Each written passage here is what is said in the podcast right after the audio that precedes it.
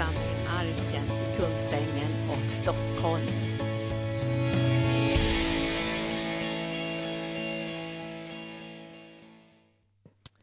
För helige Ande, vi ber nu att du ska bara öppna ordet för oss Herre, så att vi ser Herre hur du har tänkt Herre. Halleluja. Tack Jesus.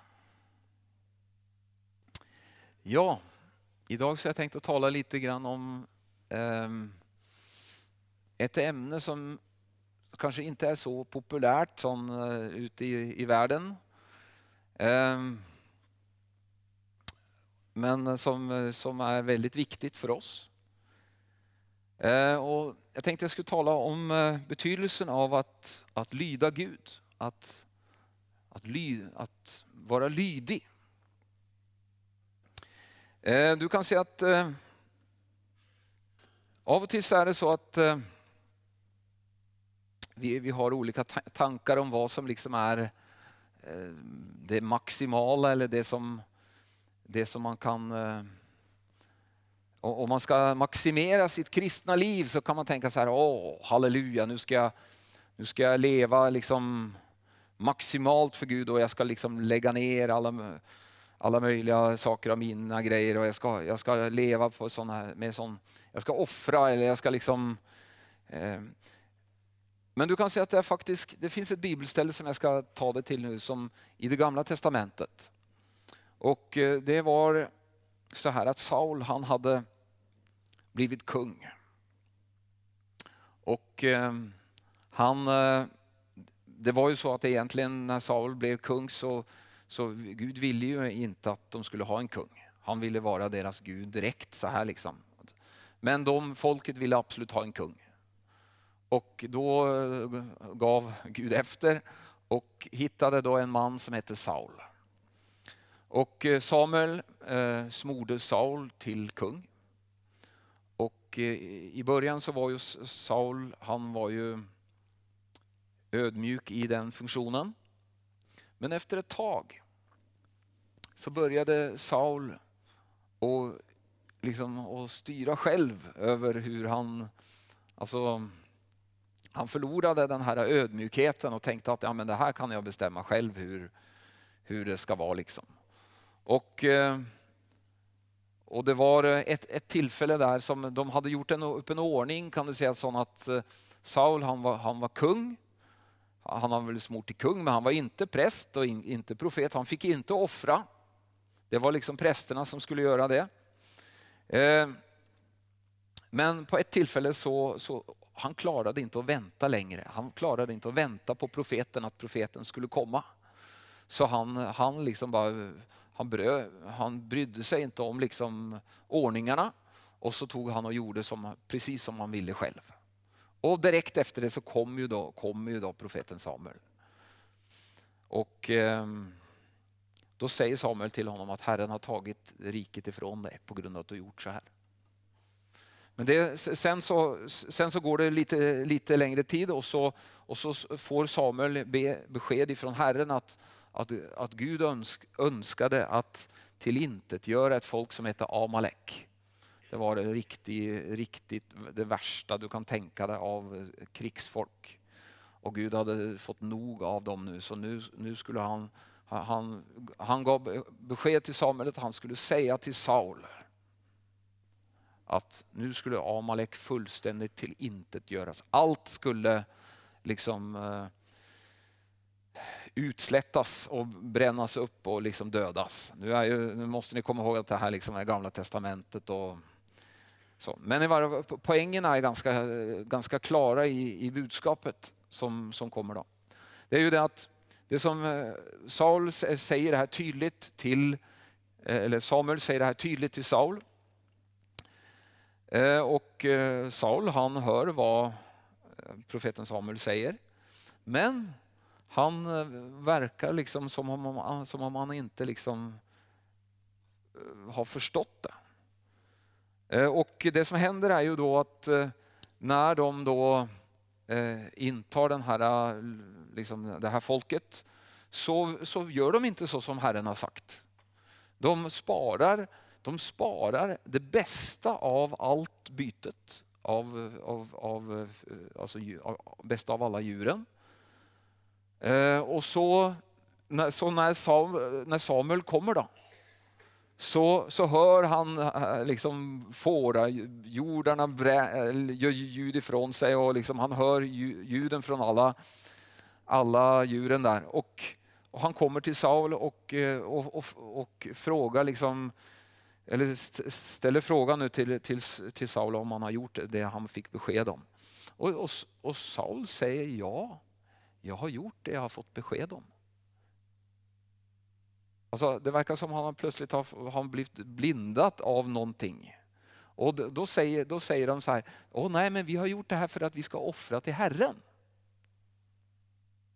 Alltså han har blivit blindat av någon religiös liksom, grej, liksom att bara, bara man offrar det som man tar, eller alltså bara du offrar det som du gör när du inte gör Guds vilja, så blir det bra. Och det är då det här bibelordet kommer i som står, vi ska ta och läsa det ifrån eh, Samuelsboken, första Samuelsboken, det femtonde kapitel och vers 22. Då sade Samuel, har Herren samma glädje i brännoffer och slaktoffer som att man hör Herrens röst. Se, lydnad är bättre än offer och hörsamhet bättre än feta baggar. Och du kan säga att man, många kristna lever sina liv på det här sättet. De lever som offer, offerkristna. Alltså de, de bestämmer själv vad de gör. De frågar inte Gud var de ska bo någonstans, vilken församling de ska gå eller vad de ska göra för något. Men de offrar. De ger tid till, att, ja, de, ja, till olika saker. Och så tänker de så här att oh, jag lever eh, liksom maximalt. Men du förstår att det är det, är, det är det lägsta stadiet. Gud, alltså, Gud önskar att, att ta dig och mig upp ifrån det där stadiet. Alltså det som är skillnad på det här stadiet av off, att leva som en kristen med den här offergrejen, det är att det är du själv som bestämmer. Du bestämmer vad du ska offra. Du bestämmer eh, alltså, vad, vad du gör för någonting. Och du liksom, till slut när du har bestämt alltihopa så offrar du lite till Herren.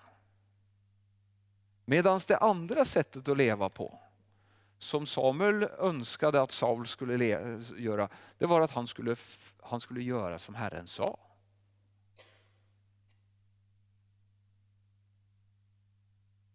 Och du kan säga det, det, det är två helt olika nivåer.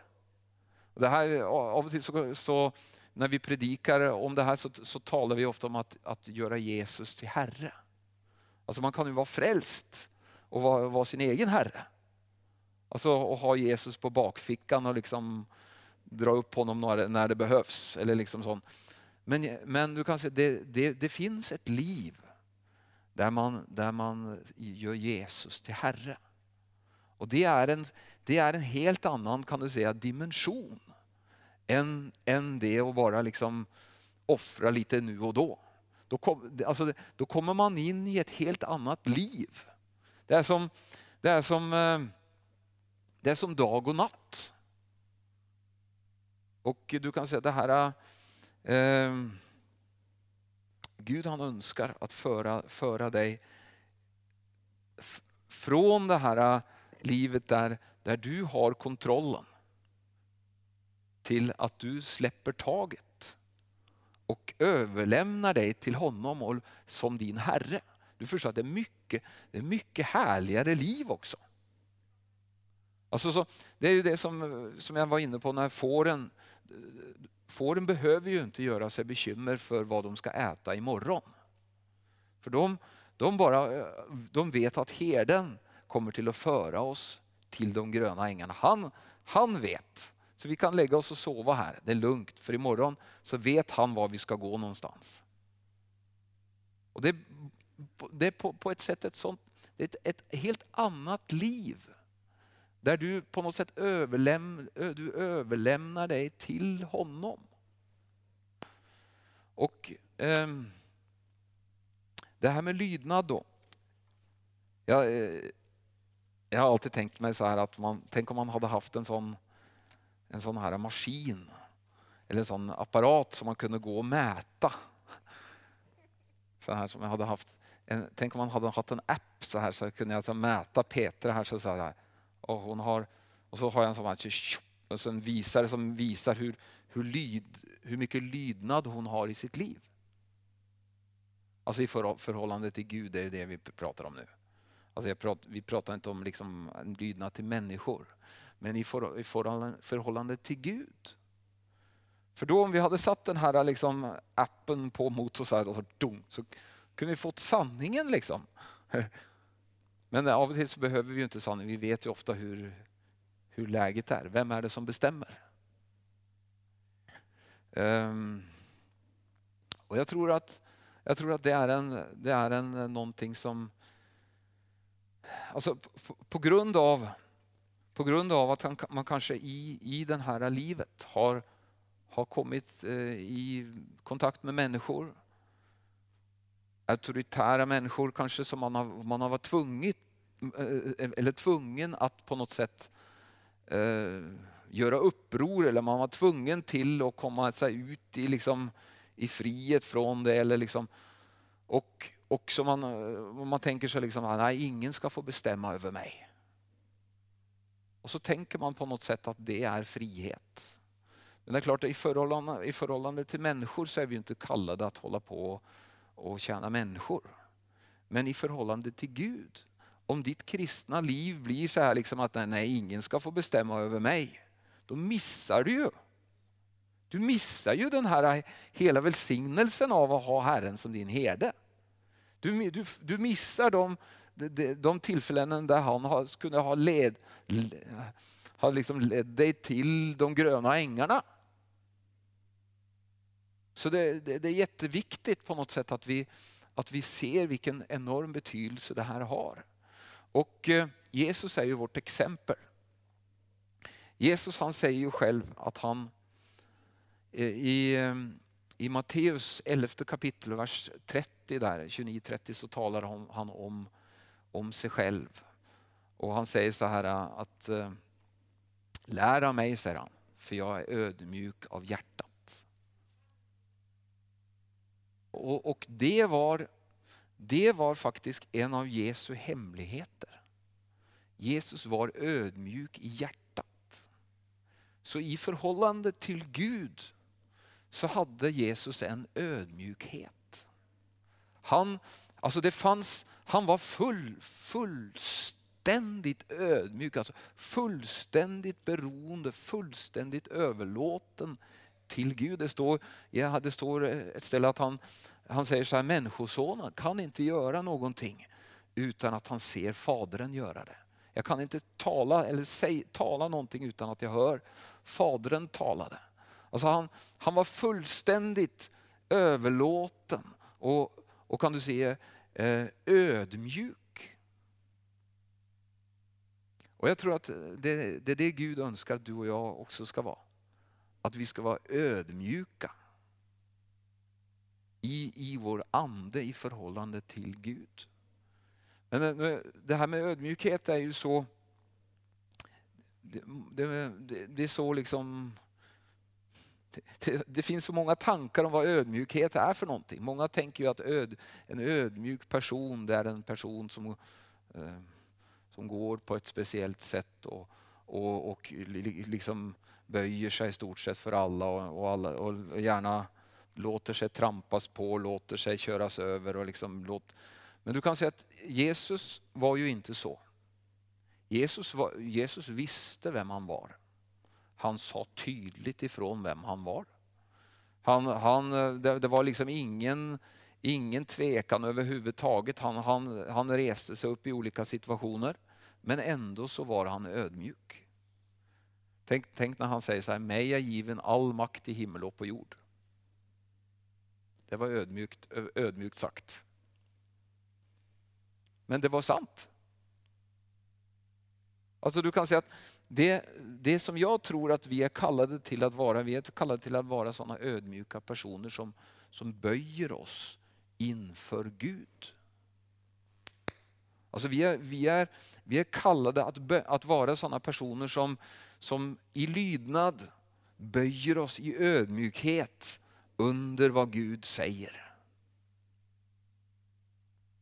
Så när Gud säger att du är rättfärdig, och att du är godkänd och att, att han inte ser någon fläck på dig, så böjer du dig i ödmjukhet och tackar Gud. Tack Gud.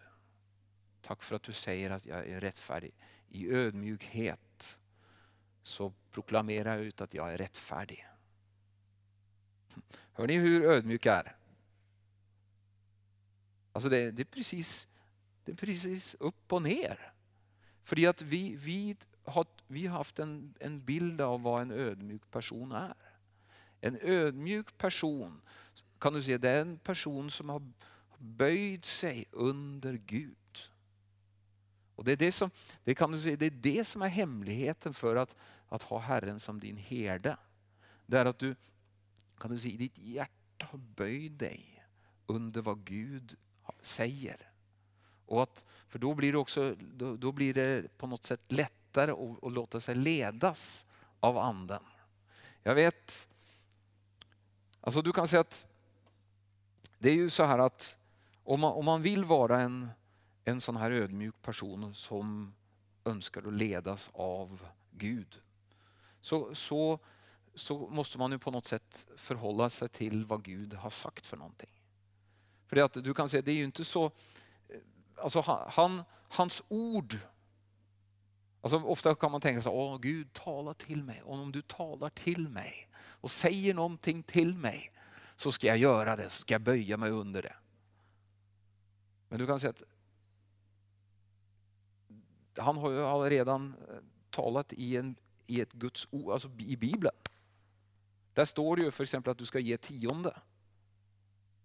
Ja, ger du tionde Alltså du kan säga att det är ju, alltså, vi kan ju börja med att vara ödmjuka i förhållande till vad ordet säger. Alltså, du kan säga att den där, alltså jag, jag tror, jag hade, en, jag, hade, jag hade en period här som jag, jag tror jag har nämnt det tidigare. Jag, Jag, jag, av och till så, så, så, kommer man in i en sån här, liksom, Gud säg till mig vad du vill. Jag gör det. Och i några dagar så gick jag, alltså, jag, jag menar allvar alltså. Det var liksom, och det var, det var liksom härligt. Alltså, du kan säga att för det som är spännande är att när Gud säger någonting, alltså när, när det riktigt är Gud, då, då är det otroligt härligt att vara lydig. Och det var, det var, alltså jag, jag började förstå det när jag gick så här att det är ju fantastiskt det att få ett tilltal ifrån Gud. Det att få besked om vad man ska göra, det är helt fantastiskt.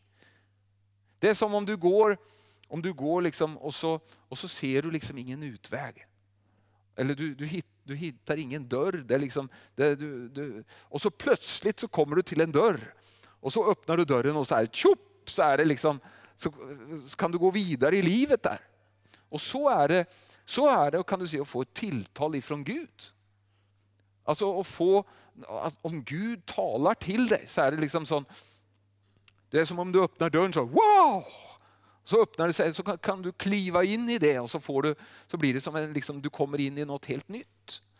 Men du kan säga att ofta så tror jag det handlar om att för att få sådana tilltal så måste vi på något sätt eh, ställa, ställa in oss på eh, alltså den här ödmjukheten. Alltså vi måste ställa in oss i förhållande till Gud. Och Det finns ett bibelställe i Petrus brev som, som är eh, i första Petrus brev.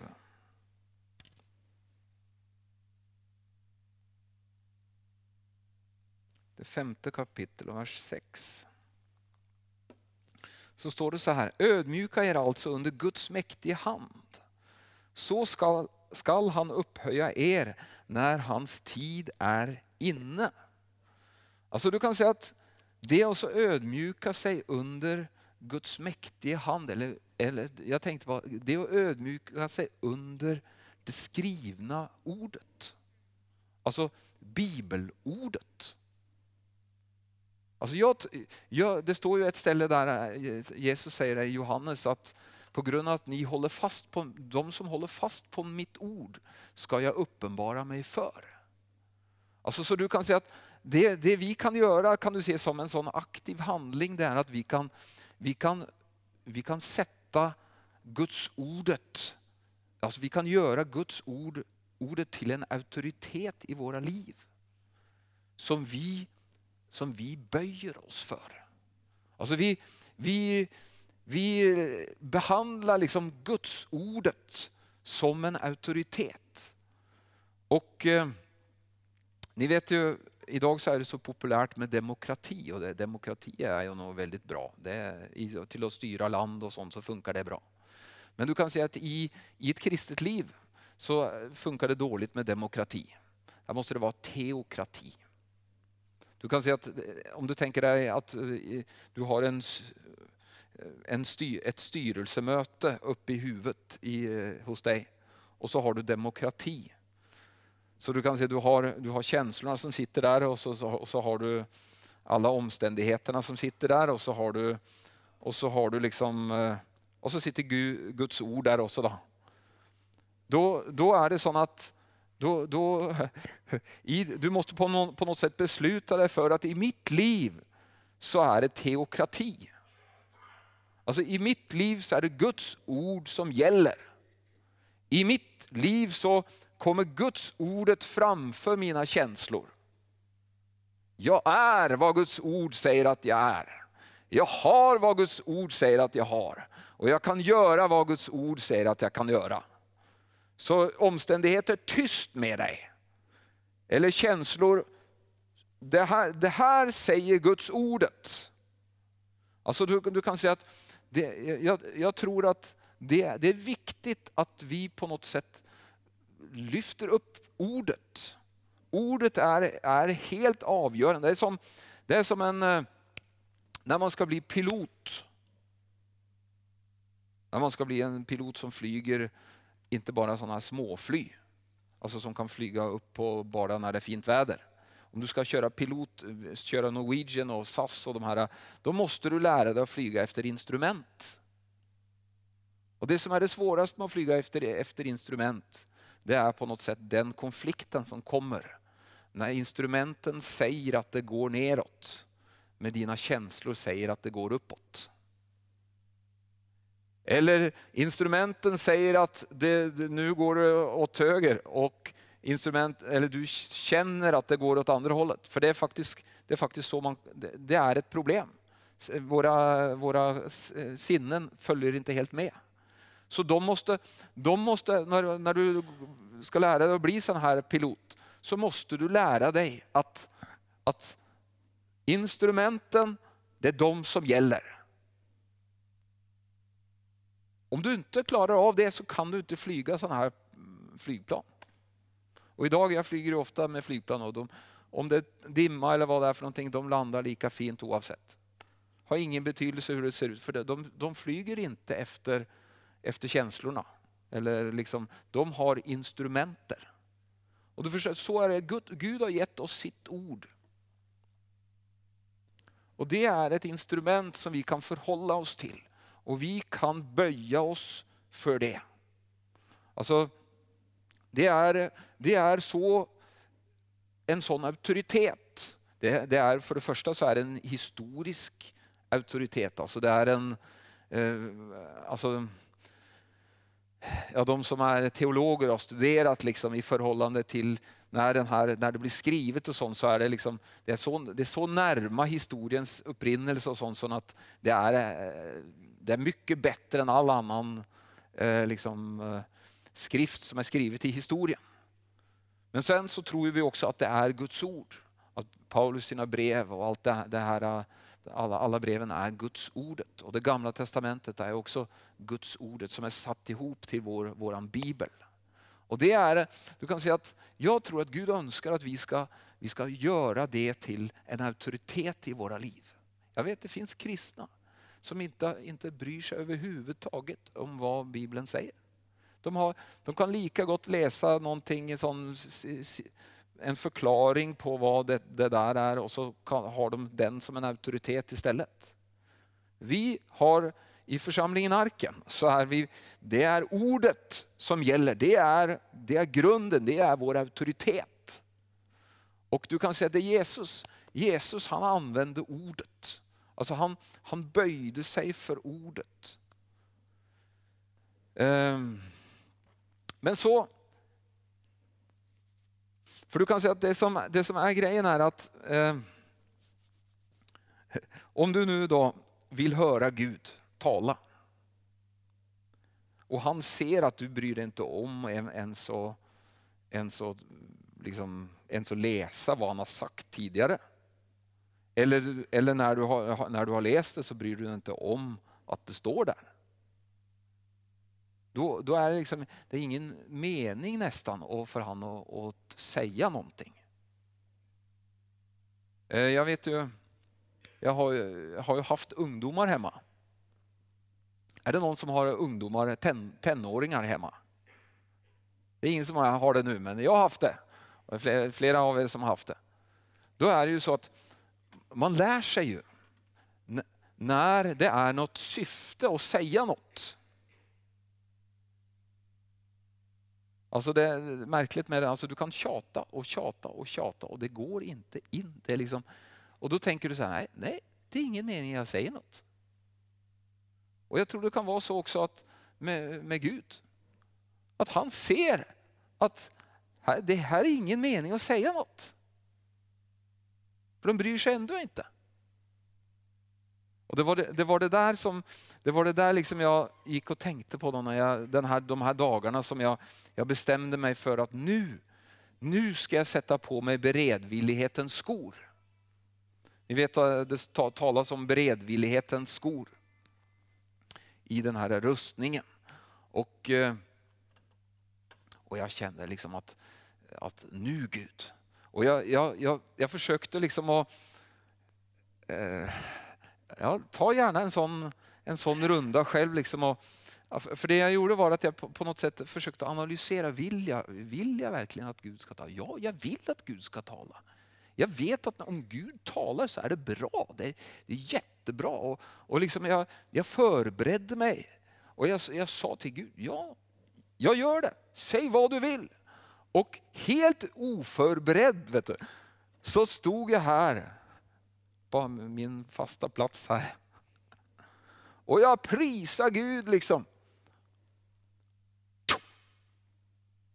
Alltså på ett, på ett sekund så sa han till mig vad, vad jag skulle göra för någonting. Och liksom, jag hade, det där hade jag inte förväntat mig överhuvudtaget. Men, men det kostade en del. Men jag kände, kände bara yes, vi kör det. Och jag visste att det var Gud. Och du förstår att det som, är, det som är, när Gud talar, att det blir sån tyngd över det. Det är skillnad på saker som är initierat av Gud än av de sakerna som är initierade av människor. Det finns en, det finns en annan tyngd över det. Jag, jag kommer ihåg för många år sedan, så kom, efter jag hade gått på bibelskolan, så började jag att jobba här på Arken. Väldigt nära Gunnar och Linda. Och Eh, jag, eh, är som företagare och sprudlar av idéer och tankar och sånt. Sån har jag varit hela, hela mitt liv. Så, så fort jag liksom började jobba så fick jag, jag fick massor av goda idéer. Så, så sprang jag till Gunnar och Linda med dem och sa ja, men jag, jag, jag tror vi kan göra så här. Och så sa de liksom lite, ja Torbjörn, vi, vi, ska, vi ska be över det, sa de. Och, eh, och de gjorde det. Och det som det jag lärde, jag lärde mig mycket genom det där. För det de gjorde var att de tog, de tog den där idén, eller den där tanken, och så vägde de det i bön på något sätt. Och du förstår att det är, det är någonting, en idé som kommer ifrån himlen. är annorlunda än en idé som är född av människor. Och det är inte, alltså, för det att man kan tänka så här, om det, är en, om det är en bra idé, då är den från Gud. Kan man tänka. Men det behöver den inte vara. Det kan, och det, du, du, kan säga, låt mig säga så här, de är nästan de farligaste. Goda idéer som inte kommer från Gud. För du kan tänka så här att, åh nej, alltså om du, om du blir häktad på en god idé som inte kommer från Gud. Vad gör den då? Den tar din tid, den tar ditt fokus. Den kan ta, eh, ja, jag har startat företag som inte var Guds idé. Den tog min energi och tid en stund och så var jag tvungen att lägga ner det. Alltså du kan säga att det, alltså de här, de, alltså det är så viktigt på något sätt att lära sig att skilja vad det är som är initierat ifrån himlen och vad det är som är initierat av människor. Och Abraham hade en sån här, en sån här grej, alltså han, han hade ju ett löfte. Han, han, Gud hade liksom talat till honom, så han hade ett löfte, men det tog sån tid. Så han tänkte, eller det var ju, det var ju frun som tänkte då, att nu måste vi, måste vi få lite fart på grejerna här. Tänkte hon då. Så hon, hon ordnade ju så att hon gav honom sin tjänarinna som, med, som så han fick en medhustru. Då, eller, ja. Och då kom Ismael genom, genom det. Det var, en, det var en bra idé kan du säga, för då fick ju Abraham sin, sin son. Men det var inte Guds idé. Och du kan säga att sen när, de, när allt såg omöjligt ut och när de var blivit så gamla så liksom det var, var helt omöjligt att de skulle få något barn. Då kommer Gud.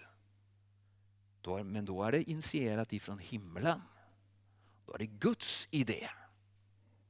Och, då, och sen så när, när då Isak föds så blir det en konflikt mellan Ismael och Isak.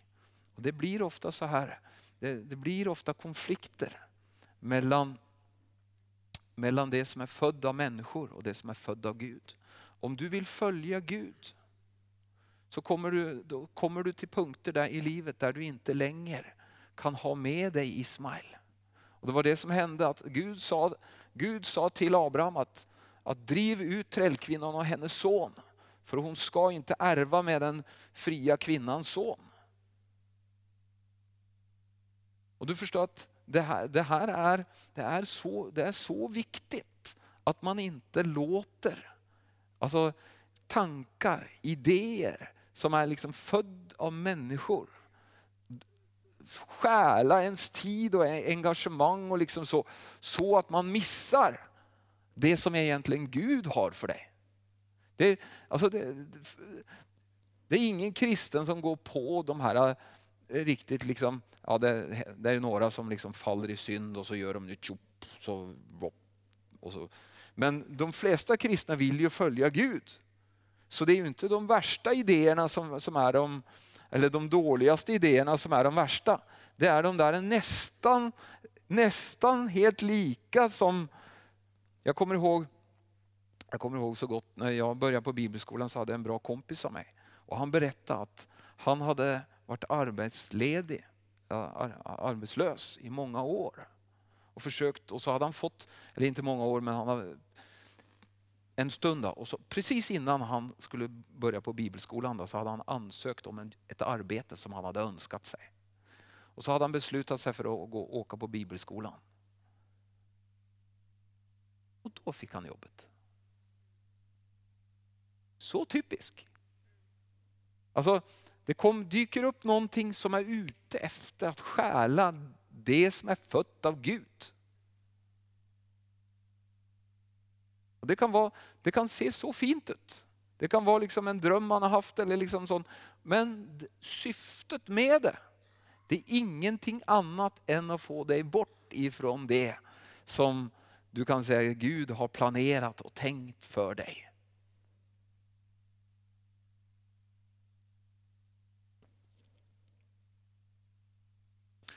Paulus han talar om att han, Hans uppgift var att föra människor till trons lydnad.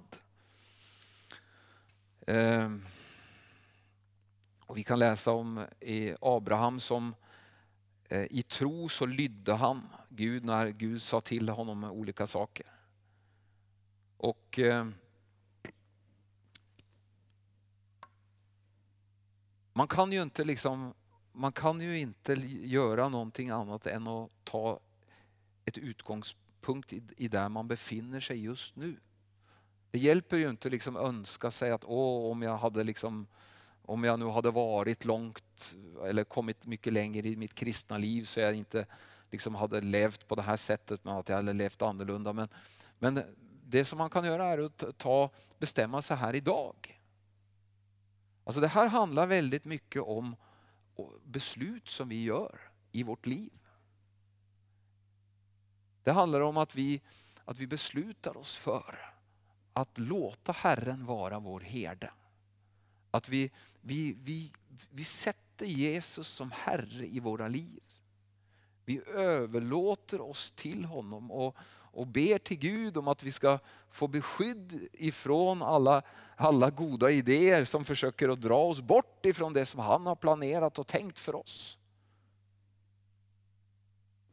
Och eh, Jag tror att det är så här, de, här, de, de här sakerna behöver man hela tiden liksom bestämma sig för. Att jag vill följa dig Herre. Jag vill ha dig som min herde. Jag vill, jag vill eh, jag vill sträcka mig allt jag kan för att göra din vilja. Och att jag, jag vill också lägga ner, lägga bort de sakerna som inte liksom passar ihop med din vilja. Men jag har ju lärt mig det att, jag trodde ju tidigare att det var så här att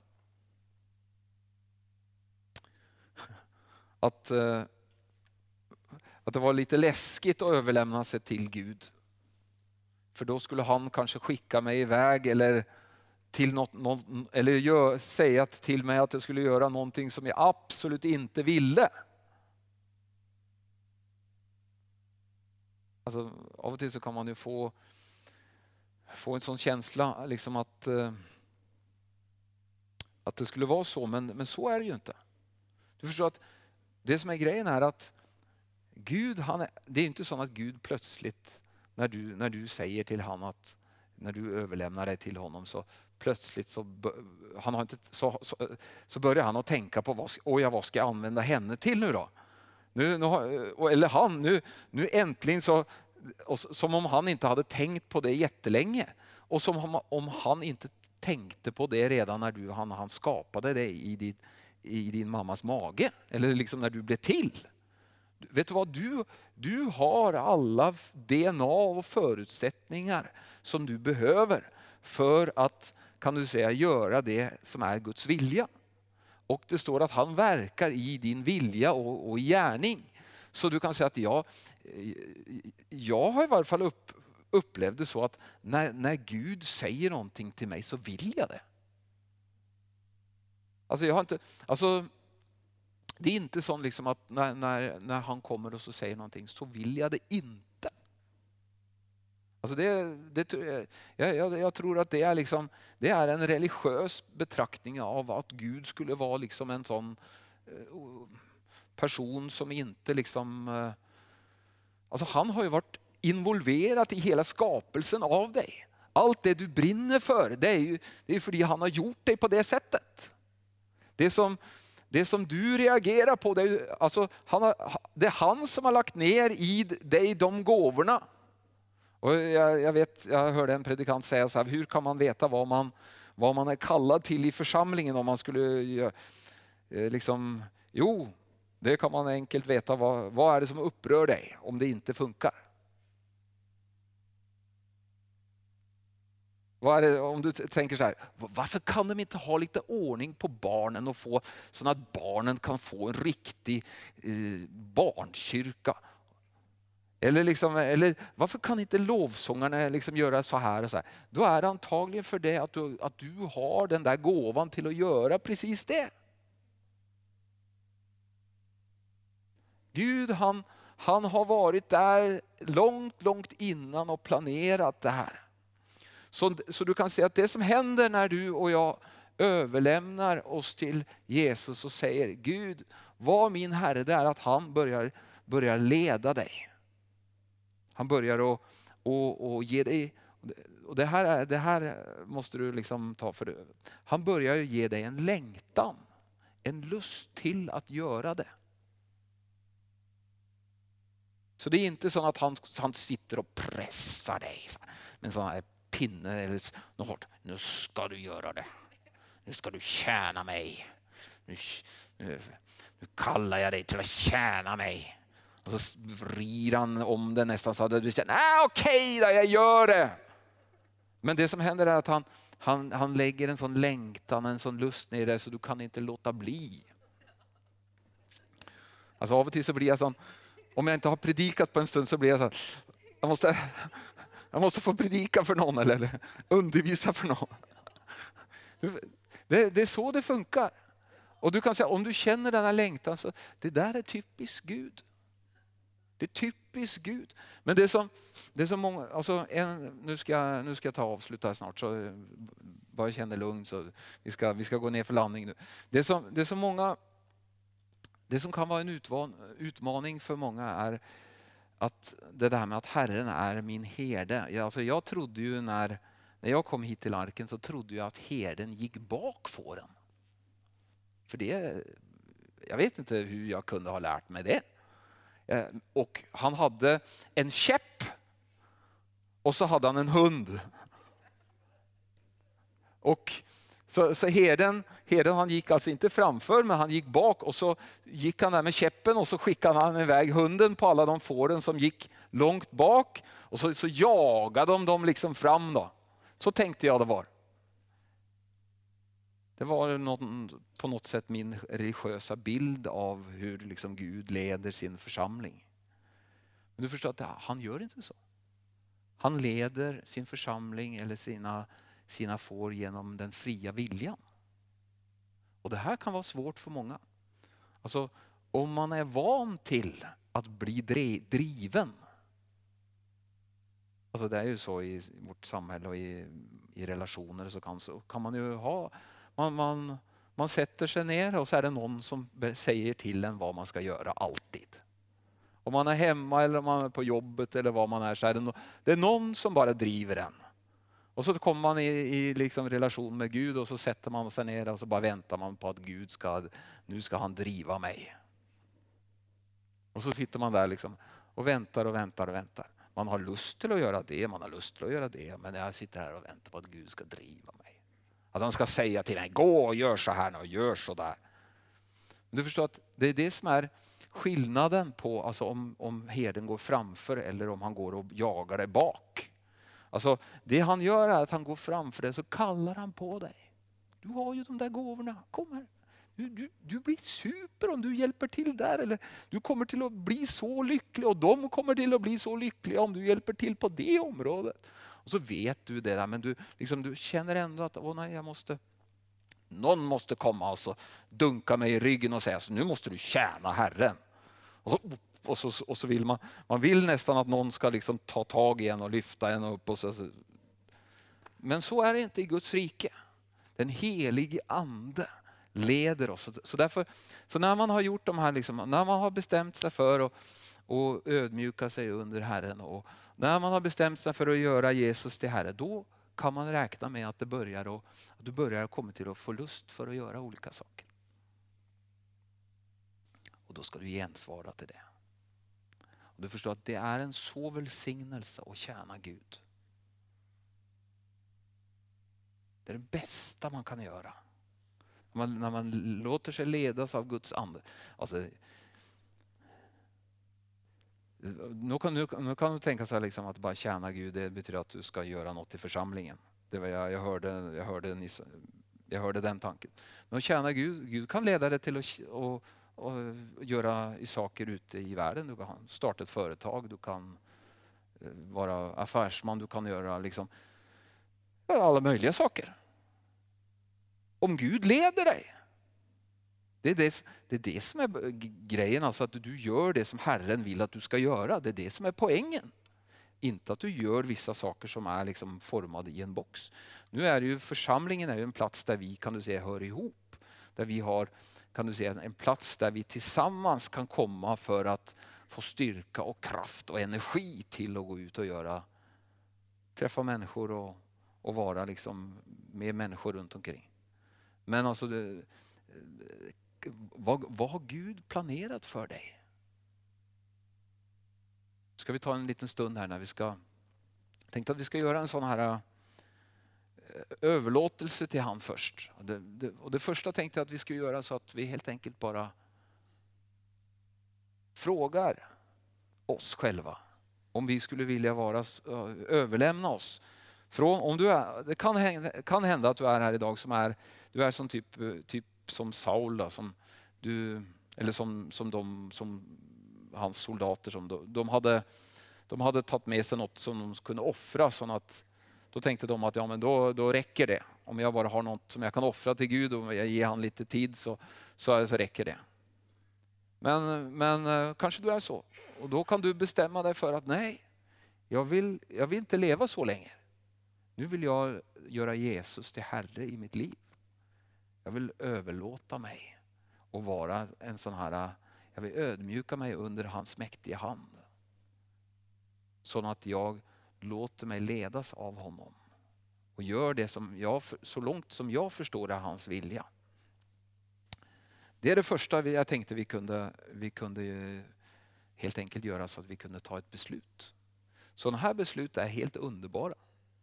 Alltså, egentligen så, så tror jag det här är sådana beslut som man egentligen tar varje dag.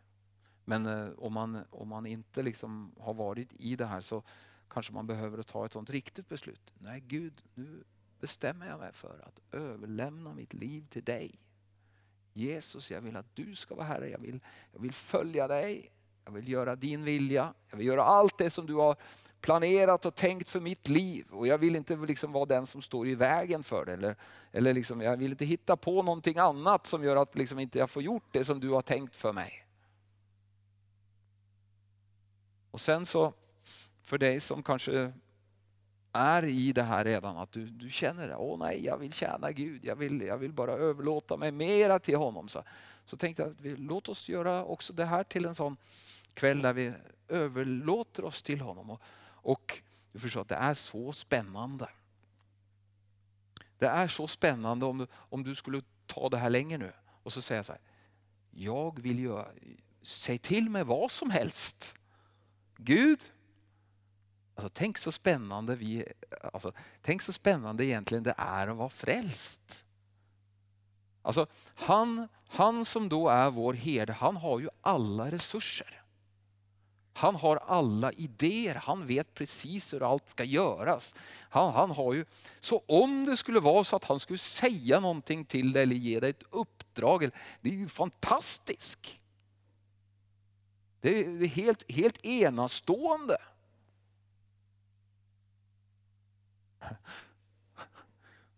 Halleluja. Och Det som är så kul också är att när man börjar, alltså, alltså nu, nu ska jag avsluta.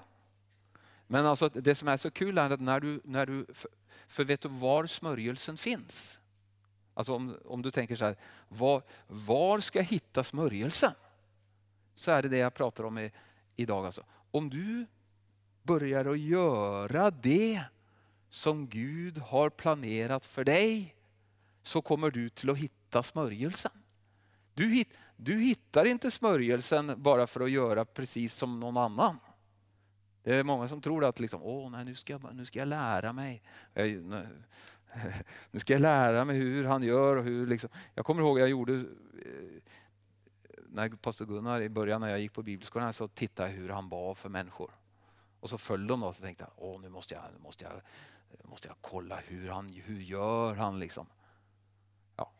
Men det är inte det som är grejen. Alltså, det, är inte, det som är grejen är att smörjelserna har Gud tänkt som utrustning för att du ska kunna göra det som du är kallad till. Så, det, så, så, när du då får tag i vad han har tänkt för dig och du börjar kliva ut i de där sakerna, då är smörjelsen där. Då är, då är det där livet som han har tänkt för dig. Det finns där. Så himmelske Fader, vi tackar dig. Vi tackar dig Gud för att du har skapat oss. Att du var med redan där i början Herre, helt i starten när du gav oss, när du gav oss det DNA som vi har Herre. När du gav oss de gåvorna som vi har Herre. När du gav oss eh, i, när du satte oss in i den familjen och, och just där som du placerade oss Herre. Du har varit med hela tiden och du vet precis vad det är som ligger, ligger i var och en Herre. Fader nu vill jag be till dig nu Herre. Fader jag vill be för varenda en nu som är här inne Herre Gud som, som har haft det här livet lite så här att de, de, har, de har valt själva vad de vill göra för någonting Herre. Och så har de tagit med dig på ett litet hörn Herre. Men Gud Fader, nu ikväll så har du bankat på deras hjärtas dörr om att du vill bli deras Herre. Att du vill bli deras herde, att du vill leda dem Herre. Så Gud, nu ber jag Gud Fader för de här människorna att från och med idag så ska det vara en helt ny tid för deras liv Herre. Halleluja, tackar dig Gud för att idag så ska de göra dig till sin herde. De ska, de ska lägga undan sina egna planer och tankar Herre och så, sen så ska de bara fullt och helt bara följa dig Herre. Gå den vägen som du säger att de ska gå. Göra det som du ber dem att göra Herre. Tack Fader. Tack Fader.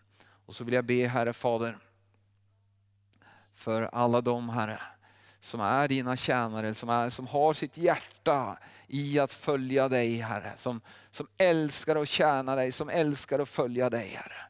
Jag vill be till dig nu Gud att du ska börja tala Herre. Att du ska ge tilltal ifrån himlen Herre. Att du ska ge uppenbarelser Herre. Gud att du ska komma med utrustning Herre Fader. Att du ska göra det på ett övernaturligt sätt Herre. Och jag ber dig Gud Fader om att vi som är i församlingen, vi som är här ska leva de mest spännande liven som finns Herre. Fader jag tackar dig Gud för att det att leva med dig Jesus, det är, det är ett äventyr Herre. Halleluja, för det är, det är så spännande Herre.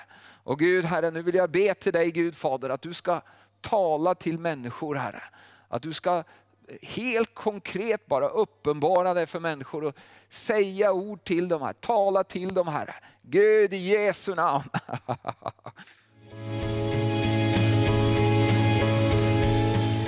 Tack för att du har lyssnat. Vill du få del av mer information om församlingen Arken, vår helande tjänst, bibelskola och övriga arbete, gå in på www.arken.org.